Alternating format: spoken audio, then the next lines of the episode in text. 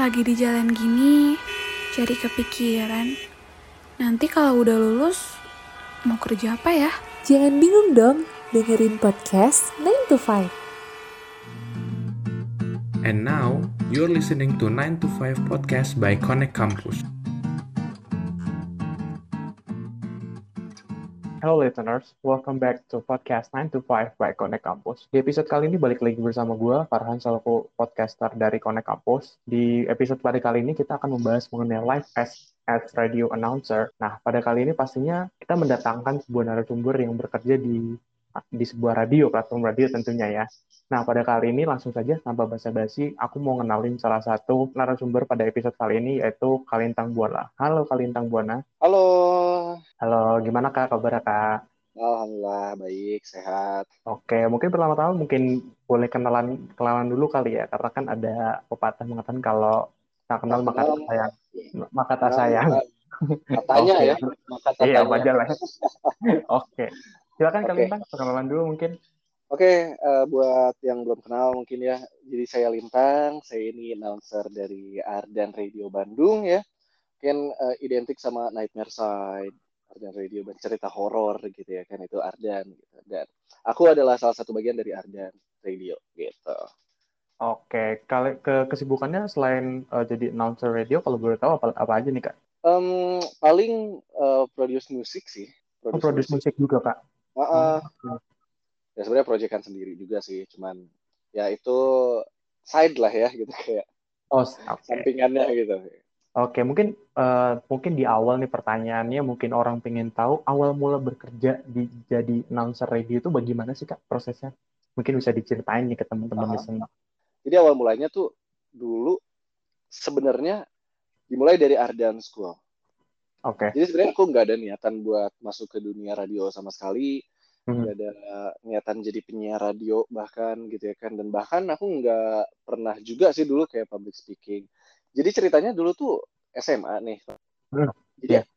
ini awal mula aku masuk Ardan School gitu ya. Dan akhirnya kenal Ardan gitu. Jadi Ardan School ini adalah eh, satu apa ya kayak satu bisa dibilang bukan komunitas juga sih. Cuman Iya. ya anggaplah sekolah radio gitu ya kan tapi di bawah naungan Ardan Radio yang mana yang siarannya itu adalah anak-anak SMA dan eh, penyiar-penyiar SMA ini juga tetap dibayar sama Ardan Radio gitu, Ardan School gitu.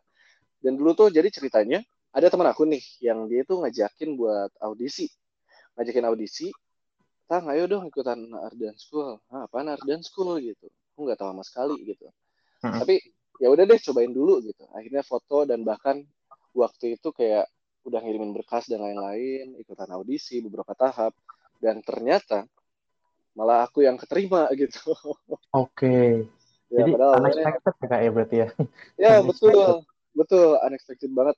Kayak awalnya tuh nggak nggak expect juga gitu. Bahkan awalnya sama sekali kan aku nggak tahu tentang Ardan School gitu. Iya.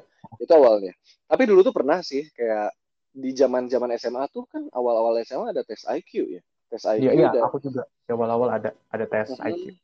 dan hasilnya keluar itu tuh ada pekerjaan yang cocok buat kamu gitu katanya pekerjaan yang cocok satu itu manajer bank yang kedua eh, aku lupa namanya apa yang ketiga itu tuh adalah penyiar radio gitu dan aku Oh. ingat lagi hasil tes IQ itu setelah aku jadi penyiar Ardan School waktu itu Oke. berarti mulai siaran di kelas 2 SMA sampai lulus gitu ya sampai lulus berarti tiga SMA dan lulus dan akhirnya aku jadilah eh, penyiar Ardan Radio. Jadi waktu itu sempat direkomendasiin juga buat lanjut jadi announcer of Ardan Radio.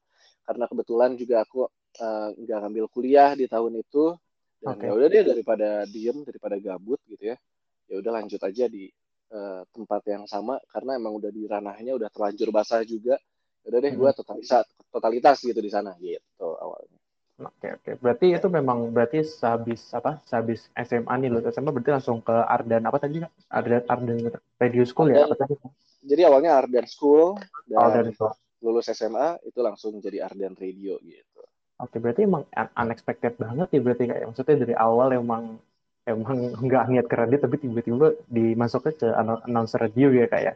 Heeh, itu dia gitu yang bahkan sebenarnya dulu tuh kalau boleh jujur ya aku Iya. tuh nggak tahu nggak tahu sampai kelas 3 tuh nggak tahu mau masuk jurusan apa cuman mungkin karena aku udah Ardan School jadi ketika ada orang yang jawab Kang masuk jurusan apa eh Vkom deh kayaknya gitu jadi kayak pilihan terakhir gitu Last choice. padahal kan aku juga IPA gitu Oh, IPA, IPA IPA gitu. Bang ya? Oh, ya dulu dulunya IPA gitu tapi nggak kotakan gitu harusnya masuknya sosial deh salah kayak gitu udah salah jurusan dari SMA gitu ya jadi konsepnya tuh kayak gitu gitu Oke. ya udah deh sekarang bahkan nggak kalau ditarik ke belakang gitu ya kalau kita tarik ke Ah. belakang sebenarnya nggak pernah nyangka sih buat jadi bagian dari Ardian Radio buat jadi penyiar gitu bahkan yang bahkan dulu tuh aku nggak pernah dengerin radio juga gitu ya paling di mobil dan lain-lain gitu Oh, oke oke. oke. Tapi kalau kalau boleh tahu nih Bang, maksudnya selain radio mungkin ada pernah bikin podcast gitu nggak nih bareng temen gitu? Kalau zaman dulu, kalau aku kan dulu kan pernah tuh kayak waktu gabut nih Ayan lagi nongkrong bikin podcast gitu. Kalau Abang pernah nggak Bang? Eh sebenarnya dulu sempat bikin podcast juga sih Oke. namanya tuh ada mungkin kalau di search masih ada ya Iya. berapa tahun yang lalu ya 2018 apa 2019 ya Oh, lupa ya. baru dong dua tahun yang lalu, sekitar dua atau tiga tahun yang lalu berarti ya? ya sekitar gitu ya dan itu cuma dua episode doang sih Oh. jadi waktu itu tuh eh, nama podcastnya adalah terjebak resah Oh, terjebak resah. Terjebak resah jadi itu kayak ngeritain tentang hal-hal yang sebenarnya sih itu enggak enggak apa ya enggak nyari konten dan lain-lain tapi lebih Ah. ke di sana oke deh gue curhat aja deh gitu karena yang memang sampai ada di titik ini pun itu kan perjuangannya juga enggak mudah gitu ya dan Mhm. lain-lain gitu bahkan di sela-sela itu ada permasalahan tentang keluarga atau bahkan cinta dan lain-lain pokoknya Oke. eh, beragam lah gitu ya dan awalnya kayak di podcast itu wah kayaknya gue bakalan curhat deh di sini gitu awalnya. Dan ternyata ya banyak juga orang yang relate gitu. Dan nggak tahu sih kalau misalkan itu dilanjutin sampai sekarang akan jadi kayak gimana gitu waktu itu. Dan karena udah punya basic juga sayang aja sih waktu itu gitu. Kebetulan lagi gabut juga bahkan kebetulan. Oke. jadi waktu itu siarannya malam. Kalau nggak salah di jam 12 sampai jam 2 malam deh gitu. Siangnya kan kayak aduh apa yang harus gue lakukan juga gitu. Dan akhirnya waktu itu bikin podcast lah gitu terjebak Itu resah ini Ah, itu kalau boleh tahu podcastnya sendiri atau sama temen juga? sendiri sih itu Oh itu sendiri. Oh benar-benar Iya. literally berarti benar-benar curhat sendiri gitu ya? curhat sendiri jadi itu juga kayak pakai ya alat-alat sendiri ngedit sendiri dan lain-lain gitu kayak ya udah sih iseng aja gitu itu. Oke. Kalau terus kalau lanjut nih, kalau eh, kira-kira eh, apa sih Bang kira-kira yang harus dipunyai kalau misalkan kita jadi announcer radio kan Abang kan otomatis kan kalau aku boleh ta- tarik tadi kan jurusan SMA-nya IPA ya ya Dan- betul dan itu nggak relate sama sekali dong kalau aku ini nggak relate sama sekali sama radio dong. Nah kira-kira Aha. apa sih sifat mungkin sifat ataupun skill nih yang harus dipunyai oleh seorang announcer radio sendiri itu apa kalau dari pengalamannya Kak Lintang sendiri? Oke, jadi sebenarnya ini sih kayak nggak salah sih orang berpikir kayak "Ah, apa skill yang harus gue miliki dan lain-lain gitu. Cuman yang paling penting itu adalah percaya diri gitu. Percaya, Percaya diri. diri itu Oke. percuma kayak lo udah nyiapin skill dan lain-lain gitu, udah sekolah public speaking misalnya gitu ya. Tapi Ah. kalau kepercayaan diri itu masih kurang, menurut aku kayak, waduh sayang gitu. Kan itu nanggung. Jadi kayak mungkin eh, mindsetnya tuh adalah ketika lu udah basah, nyelam sekalian deh gitu. Yang waktu itu tuh aku sama sekali nggak punya basic apa pun, entah itu public speaking dan lain-lain, nggak tahu teknik-teknik juga, bahkan nggak Ah. pernah dengerin radio gitu kan. Dan apa ya kayak waktu itu ya cuma modal percaya diri sama modal berani doang sih. Dan ternyata di eh, perjalanannya itu ada kayak training juga dan lain-lain. Jadi sebenarnya sih modal utamanya itu adalah totalitas, percaya diri gitu, berani. Itu modal utama gitu ya kan. Bahkan buat ngadepin kayak habit-habit yang mungkin akan berbeda juga gitu dan lain-lain. Itu pun harus siap gitu. Terlebih kalau misalkan udah punya skill dari awal, itu lebih bagus gitu. Oke oke. Berarti emang ada kayak bakat atau minat sendiri gitu di bidang radio gitu ya? ya. Oke oke. Oke mungkin eh, kalau aku boleh tanya lagi, eh, kan banyak nih kayak orang nganggap kayak oh, announcer tuh mungkin kakak per- mungkin pernah nggak sih kayak announcer tuh pekerjaan yang mudah gini-gini segala macam karena cuma modal ngomong dulu pernah nggak sih kayak gitu kan? Nah Oh, itu menurut saya padahal kan ki- mungkin tidak semudah dengan apa ya dengan tidak semudah orang yang ngomong kak. Nah kira-kira ap- bener nggak sih kak kalau misalkan gampang gampang nggak sih kak jadi announcer itu apa juga ada kesulitan-kesulitannya dan kalau ada kesulitannya boleh dong diceritain. Eh, sebenarnya mungkin akan terasa gampang ketika udah Hmm. dapet jam terbang dan lain-lain, udah tahu flow-nya. Oh. Cuman untuk awal-awal sih itu tuh kayak cukup susah ya. Terlebih kalau misalkan radio kamu itu adalah radio yang eh, mixingnya sendiri gitu. Ada beberapa radio Hmm. mungkin kayak pakai di mixing nama operator gitu kan. Hmm. Dan eh, kalau di Arden sendiri pun kayak mixingnya kan sendiri. Dan otomatis itu harus multitasking juga. Hmm. Kayak membagi otak di mana lo harus ngomong, lo harus nyiapin lagu selanjutnya, Hmm. dan lo harus eh, mixing back sound dan lain-lain gitu. Hmm. Dan itu cukup sulit juga gitu. Tapi ya orang lain mungkin tahu berdasarkan apa yang mereka lihat dan mereka dengar gitu. Hmm. Bisa bilang mereka tahu berdasarkan apa yang mereka dengar gitu. Ketika dengar radio ya ya udah cuma ngomong doang tanpa mungkin orang lain kayak melihat eh, di studio kayak gimana dan lain-lain dan ini menarik ketika eh, akhirnya aku jadi apa ya merambah ke TikTok juga gitu. Kayak waktu itu kan sempat kayak aduh nggak tahu sih TikTok mau bikin konten apa gitu kan dan sampai Hmm. akhirnya ah nyobain deh konten siaran gitu waktu itu siaran Arden nembak gitu Oke. yang mana memang em, apa ya siaran yang fun banget gitu kan yang Mm-mm. powerful banget gitu ya yang bahkan outputnya pun banyak banget efek-efek yang dimainin gitu otomatis di situ kan ada eh, kita harus mainin fader-fader di mixer juga gitu dan dengan selincah itu dan ketika orang-orang lain tahu wah bang kayaknya susah ya jadi penyiar atau mungkin bang ajarin dan lain-lain gitu. Itu sih mungkin itu kayak nggak banyak orang tahu juga gitu. Eh, tapi sulit susah nggak sih? Biasanya kan kayak misalkan ada penyiar radio nih kayak dia nyetel nyetel lagu itu eh, biasanya kalau boleh tahu nih announcer sendiri yang nyusun atau memang sudah ada template-nya gitu sih bang kalau boleh tahu? Nah, sebenarnya kalau Ardan, kalau Iya, Ardan sendiri itu penyiar yang masukin lagu, tapi berdasarkan koridor tetap dari music director gitu. Kalau di Ardan ada Hmm. namanya Awan Yuda namanya.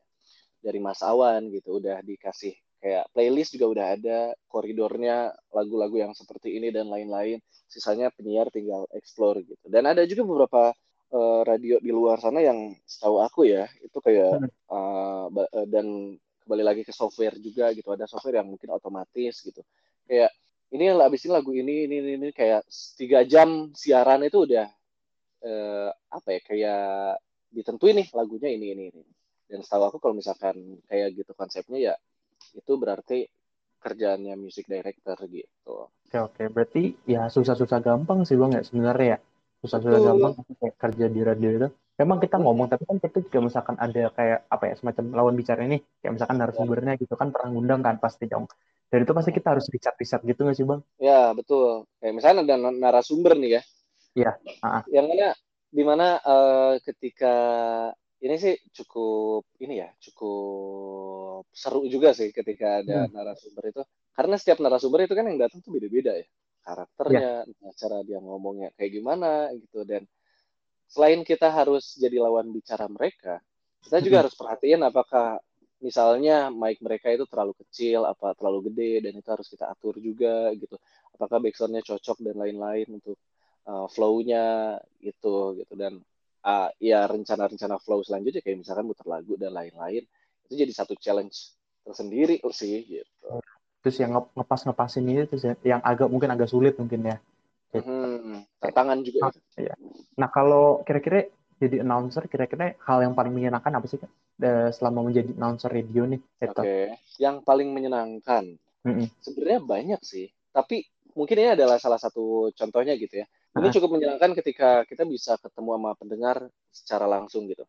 oke ketemu pendengar secara langsung karena uh, siaran kita atau uh, dan lain-lain. Dan memang kenapa radio itu beda sama TV karena di radio engagementnya memang lebih dapat gitu. Kayak ya contoh mungkin di saat kita siaran ada semacam touching touching gitu. Eh kamu lagi galau ya? Kenapa tuh sini cerita? Misalnya kayak gitu. Saya Oke. kita ada di jam malam siaran gitu yang mana sesi sesi curhat gitu biasanya jam segitu. Dan mereka ngerasa ada yang nemenin gitu dan itu bisa jadi satu nilai plus tersendiri sih kalau misalkan dilihat dari dan Iya. ketika eh, apa ya selama aku jadi penyiar Ardan gitu ya ketika ada penyiar yang eh penyiar pendengar yang datang gitu mereka ternyata mereka itu bukan pengen apa apa sih kayak cuma pengen ketemu pengen ngobrol aja gitu. Terlebih kita kan punya air personality juga gitu di on air gitu kan. Ya. kayak contoh ketika kita lucu gitu ya di on air mereka tuh pengen tahu apakah sebenarnya kita lucu atau enggak gitu sebenarnya gitu ya kan realnya gimana? Ah, kayak gitu. Bahkan terkadang kayak ketika mereka datang, ih Kalintang kayak dengerin Kalintang siaran. Ya ampun gitu. Setiap saat gua kerja dong kalau gitu. tiap hari tanpa istirahat pas ngobrol Iya. kerja pas ngobrol kerja Itu seru sih. Dan banyak banget hal-hal yang eh, apa ya kayak gue lakuin ya cukup banyak sih barengan sama pendengar gitu. Tapi mereka mereka tuh datangnya niat-niat banget kayak dari Banjaran lah, datang ke Cipaganti. Gitu. Mm-mm. Ada yang waktu itu yang juga gitu. uh jauh banget sih lumayan Iya serius, serius jauh banget gitu kayak. Dan itu ser- seru sih gitu. iya tapi pernah nggak sih bang meet meet up secara langsung gitu misalkan kayak eh, misalkan kan biasanya ada tuh kayak lagi jalan atau eh kak Kalintang gitu pernah nggak sih kak kayak gitu Nah itu eh, pernah juga sih, ya beberapa kali pernah. Dan bahkan ketika aku ja- eh, udah jadi penyiar gitu ya, kadang aku merasa kayak ah udah dimintain foto mulu, aku emang aku tuh siapa gitu, misalnya kayak kayak gitu gitu kan. Ya entah itu bagus atau buruk gitu ya, entah itu kayak merendah atau satu rasa minder gitu ya. Hmm. Ya terlepas dari orang lain menilai itu, ya memang ada juga gitu. Kayak contoh lagi eh, jalan di satu salah satu mall gitu ya kan ada yang kalintang eh halo kamu teh siapa namanya? Aku bahkan aku tanya gitu. Ini kan siapa? Fitri. Oh Fitri. Eh ya ampun kayak ke siapa aja Fitri gitu. Akhirnya kayak gitu. Akhirnya mereka kayak foto gitu dan lain-lain gitu. Ada juga beberapa yang kayak setelah contoh misalkan aku lagi nongkrong di mana gitu ya. Dan setelah aku pulang setelah nyampe rumah ada masuk DM kayak kak tadi aku lihat Kalintang di sini gitu. Tadi aku li- lihat Kalintang di sini gitu. Lah kenapa bukannya nyapa aduh malu kak gitu. Ada yang masih malu-malu juga mungkin kan ketemu kayak oh Iya. ini orang, orang terkenal gitu punya radio gitu. Mungkin malu-malu oke oke. Gitu sih. Eh, oke. Eh, kira-kira selama kan kakak kalau boleh tahu udah berapa lama kak jadi announcer radio di Ardan sendiri? Kalau eh, di total sama Ardan School itu ya total jalan tahun kelima gitu. Oh, tahun yang udah lama juga ya berarti Jalan sekitar lima tahunan ya kalau misalkan Ardan radionya doang gitu itu ya kurang lebih jalan tahun ketiga lah oh jangan tahun, tahun ketiga ya tahun ini ya berarti Mm-mm. di tahun oke. depan masuk tahun keempat gitu Oke, nah selama di Ardan ya mungkin kurang lebih kalau misalkan kita hitung hitung di apa announce- announcernya di radionya beneran nih kan tiga jalan tiga ya kak tadi ya. Nah kira-kira ada nggak sih cerita-cerita kejadian nih misalkan kejadian lucu kah atau kejadian unik atau kejadian yang ya kadang-kadang agak gimana ya? Ya, mungkin kejadian yang aneh gitu selama selama on air gitu ada nggak sih kak kira-kira kejadian-kejadian gitu? oke selama on air ya berarti ya Ya on air. selama on air itu cukup banyak sih cuman yang bahkan sampai sekarang aku ingat itu adalah ketika siaran Arda Nembak jadi Arda Nembak ini adalah satu program yang mana dalamnya itu kayak ngejodohin orang nih entah dia mau cari gebetan atau mungkin dia mau nembak seseorang Mhm. nah waktu itu ada eh, satu cowok namanya Satria gue masih inget banget Ingat dong. Iya. Satria Satria ini orang mana ya lupa ya ya cuman adalah dia salah satu eh, penembak juga di Arda Nembak Heeh. dan dia pengen nembak cewek yang namanya Hani waktu itu Wow, namanya oke. Hani. Oke. Heeh. itu di tahun berapa ya awal 2019 kalau nggak salah ya Hmm. sekitar awal dua dan jadi waktu itu dia nyatain perasaannya gini gini gini gini gini dan lain kayak Haninya masih ngegantungin nih gitu. Kayak aduh gimana ya? Ntar aja jawabnya. Terus kan pasti aku bujuk dong gitu sebagai eh, penengah gitu ya sebagai orang ketiga di sana gitu. Asik ayo karena dong Heeh, ayo dong Hani. Kayak eh, kamu gak masa gak masa pengen gantungin orang gitu? Nggak enak loh digantungin dan lain-lain. Setelah dibujuk-bujuk dan dia masih tetap pada pendiriannya terus tiba-tiba ada yang ngomong. Dan ternyata itu mamahnya si Hani gitu mamanya.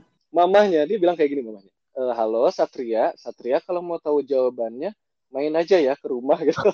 Terus kayak lo Sat, tuh, lo main ke rumah Satria gitu.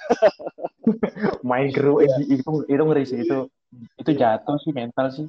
Iya, aduan banget nih Hani nih gitu. Ya terus nah, terus air pada akhirnya gimana bang si cowoknya? Ya, setelah pada akhirnya ya di episode itu ya. Oh oke. Tapi itu wah, itu ini benar banget sih kaget banget sih pas Iya. tiba-tiba mamanya dong yang ini. Mamanya Mamanya yang yang nongol dong. ngobrol yang mana disuruh ke rumah juga Apa mungkin gitu. di loudspeaker gitu ya, Pak. Apa mungkin di loudspeaker kalau kan ya, dia jadi nyampe ikut. nyam- nyamperin ke rumah ditolak juga gitu ya kan Wah, makin repot Ya sih kan ya, ya malu. iya ya malu gitu. itu sih cukup Oke, oke. Oh, oh.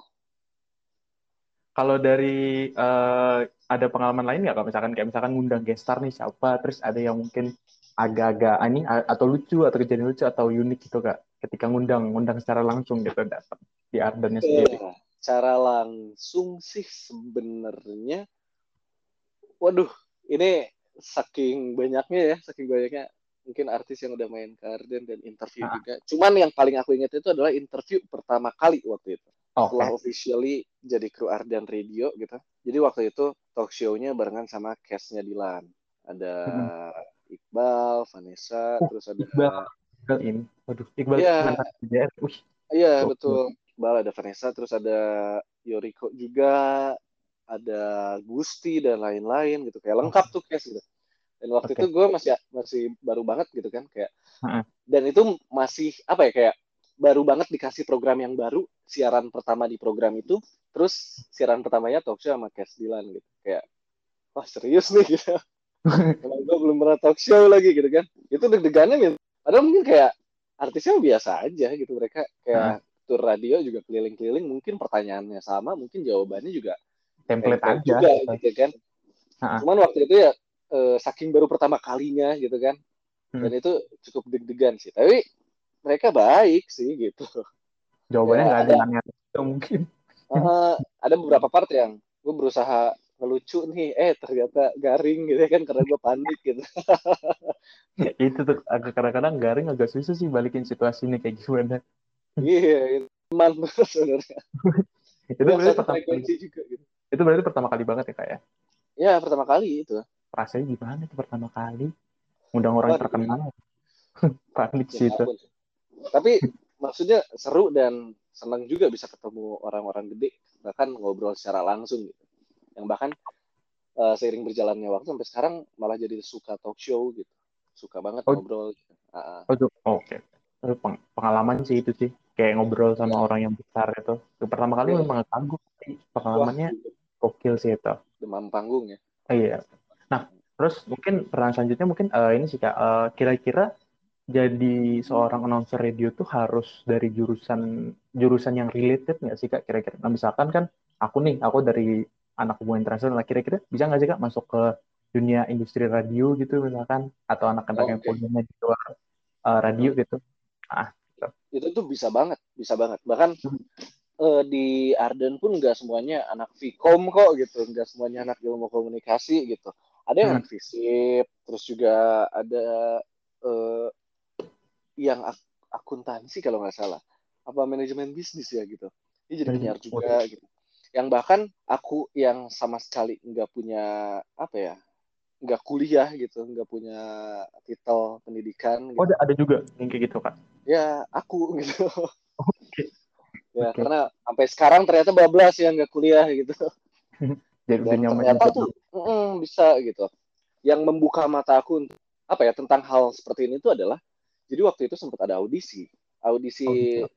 Rekrutmen announcer of Arden Radio gitu itu kebanyakan tuh dari Vkom Vkom Vkom Vkom Vkom di salah satu kampus Hmm. favorit di kota Bandung lah gitu yang Oke. mana aku pun pengen masuk sana tapi nggak kesampaian gitu karena lintas jurusan dan akhirnya aku sadar sih kayak kudu bersyukur sih orang lain yang apa ya kayak yang ada di kampus yang gue pengen di jurusan yang gue pengen tuh pengen masuk sini dan gue udah ada di sini gitu Oke. ya jadi kayak sebenarnya terlepas dari apa ya lo dapetin tawaran dan lain-lain itu kan ada yang namanya audisi ya rekrutmen nah, Ah. itulah kenapa kayak modal utama itu adalah percaya diri modal utama adalah keberanian Public Iya, speaking. karena- iya karena yang paling memungkinkan ya lo ikutan audisi gitu Kalau ini kak, kalau kayaknya ini nggak sih kak jadi poin plus gitu nggak sih? Kalau misalkan kita ikut nih, misalkan kan kalau di kampus kampus tuh sekarang kalau kakak tahu nih eh, di kampus-kampus tuh biasanya kan ada kayak organisasi radio yang di yang dari fakultas atau eh, dari kampus gitu kan itu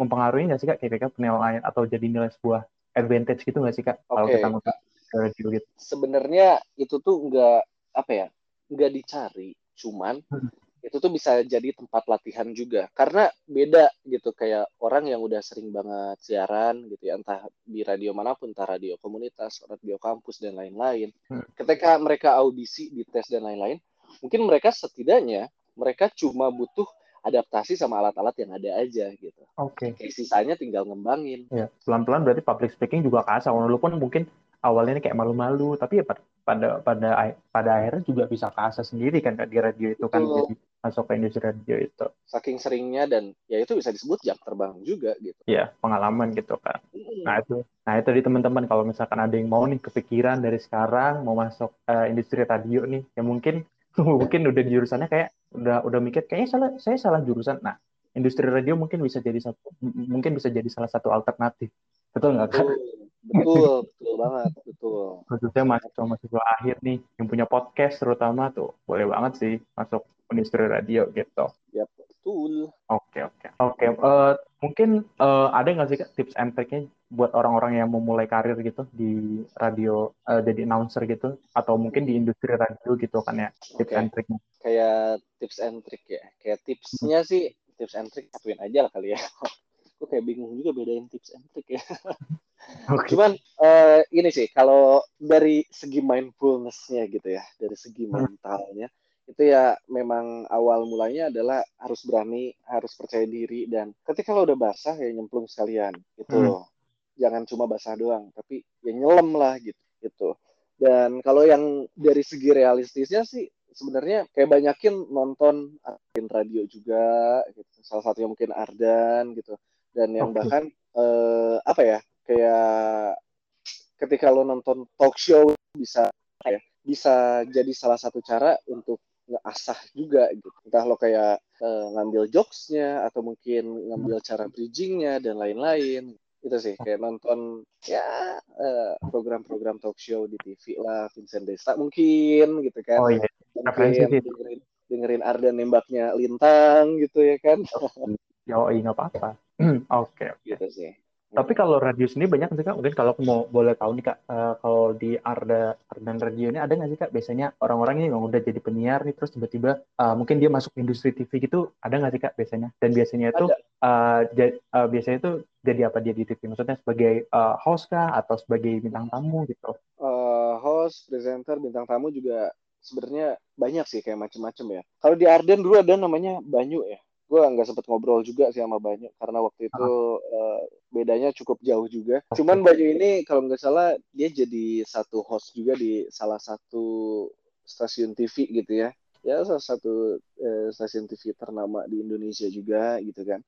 Terus bahkan dulu pun ada Indi Arisa namanya. Dia sempat siaran Oh, juga di Ardan Radio. Jadi Hmm. Ini dulunya dia adalah news anchor gitu. Dan dia jadi penyiar. Bahkan sekarang eh, dia kayak dia salah satu media juga sih. Berarti bisa, bisa banget ya kayak misalkan nyambung nih kayak radio ke industri TV gitu ya. Mungkin kita bisa ngeliat contohnya kayak Desta sih, Desta nggak sih kak? Mungkin Betul. yang aku tahu Betul. Desta tuh kayak eh, kalau aku yang aku eh, research itu tadi kemarin tuh katanya Desta salah satu yang apa ya announcer radio yang paling banyak dibayarnya sih gitu gaji tertinggi itu kalian deh jadi Ya, emang udah kenal itu sih kalau di radio oke betul. gitu. Jadi bisa jadi satu apa ya disebut batu loncatan pun Hmm. bisa juga sih sah-sah aja disebut batu loncatan gitu. Tapi untuk beberapa orang niatnya mungkin awalnya hanya jadi batu loncatan. Ternyata ketika mereka udah dan dari radio itu, ternyata mereka sulit ninggalinnya gitu.